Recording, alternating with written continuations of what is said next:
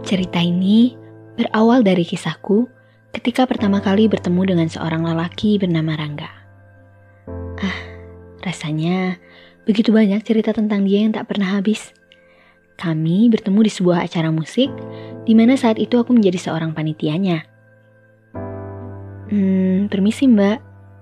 Rangga menghampiriku dari arah belakang ketika aku sedang sibuk mengurusi lighting panel di seberang panggung. Tubuhnya yang tinggi dengan pakaian kasual dan sepatu sneakers, serta kacamata frame hitam hadir dengan senyuman ramah yang disunggingkan di bibirnya. Eh, iya mas, ada yang bisa dibantu? Aku menjawab dengan berusaha membalas keramahannya. Saat itu, acara memang belum dimulai. Panitia dan talent masih sibuk melakukan gladi resik dan cek sound di atas panggung. Iya mbak, saya mau tanya, ini acara apa ya? Tanya Rangga kepadaku.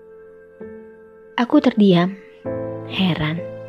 Aneh sekali, ada seorang yang masuk ke exhibition yang jelas-jelas sudah terpampang poster dan banner acara hari ini, tapi dia masih bertanya acara apa ini. Rangga menungguku dengan raut wajah yang sepertinya ia memang serius tak mengetahuinya. Belum sempat aku menjawab, Rangga kembali menyambar percakapan kami. Hmm, maaf mbak, kenalin saya Rangga. Saya tadi lewat di depan exhibition ini dan kemudian saya membeli tiket OTS. Di depan saya sudah lihat posternya. Saya tertarik dengan kalimat konser amal, tapi saya tidak mengetahui untuk apa dan siapa penyelenggara acara ini. Jadinya saya masuk dan kebetulan saya bertemu dengan Mbak. Aku lagi-lagi hanya terdiam, bingung dan semakin heran. Namun akhirnya aku menjawab dan menjelaskan kepada Rangga. Oh, iya mas, ini memang konser amal. Kami dari event organizer berkolaborasi dengan komunitas-komunitas pegiat sosial di Jakarta. Kami mengadakan konser ini untuk mengajak teman-teman yang hadir agar dapat membantu para anak-anak pejuang kanker yang kurang mampu di Jakarta. Acara ini sudah rutin diadakan setahun sekali dari 2018 lalu mas. Nanti hasil dari penjualan tiket akan diambil sebagian persen untuk didonasikan. Ya, sebagai feedbacknya, kami beri hiburan konser musik untuk mereka. Oh iya, kenalin saya Adila, project manager di acara ini. Percakapan kami pun berakhir. Tidak ada yang spesial dari kejadian itu. Namun, setelah beberapa hari kemudian, aku bertemu lagi dengan Rangga di sebuah acara konser amal.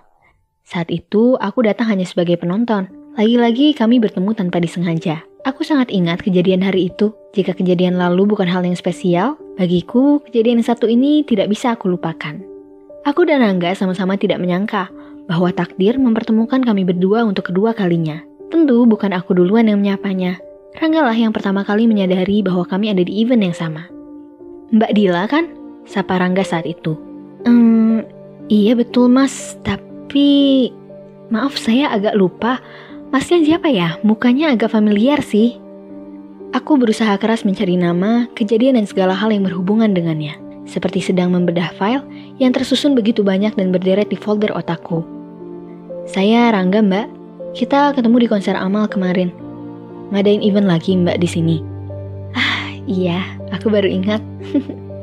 Dia Rangga, yang beberapa waktu lalu aku temui. Wajahnya khas, cara bicaranya juga khas, unik sekali. Oh mas Rangga, astaga maaf mas saya lupa. Enggak kok, kali ini saya cuma jadi penonton aja mas. Mas Rangga sendiri seperti kemarin, datang kemudian tiba-tiba membeli tiket tanpa tahu acara ini apa. Aku menggodanya walau sedikit ada rasa cemas perkataanku akan menyinggung perasaannya. Untungnya tidak. Rangga membalas dengan tawa yang terdengar renyah dan ramah. Pertemuan kali ini sudah kukatakan spesial.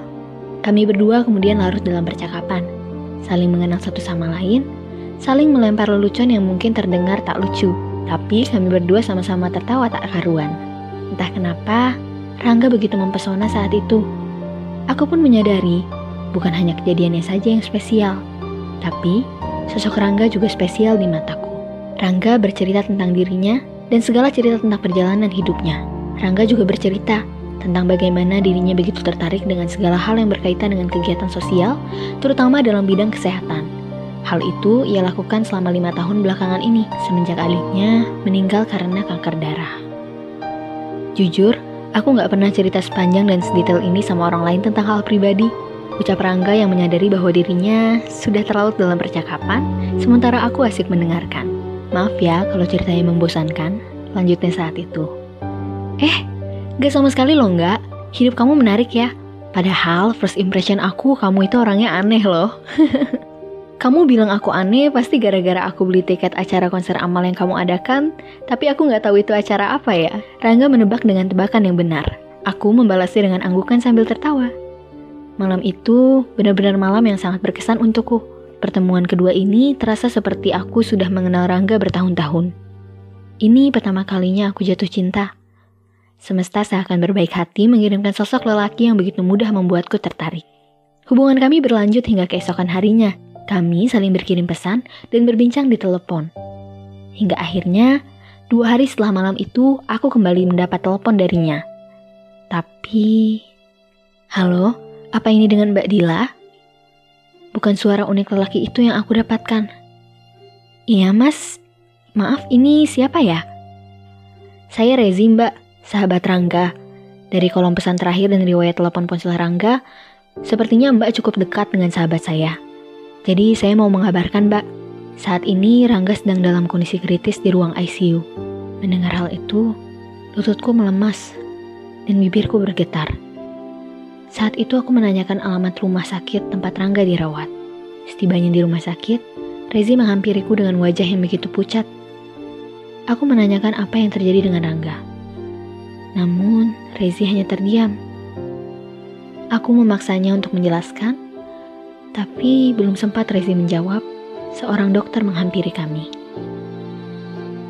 Maaf mas, mbak, keadaan pasien tidak dapat terselamatkan. Aku tak mengerti apa yang terjadi.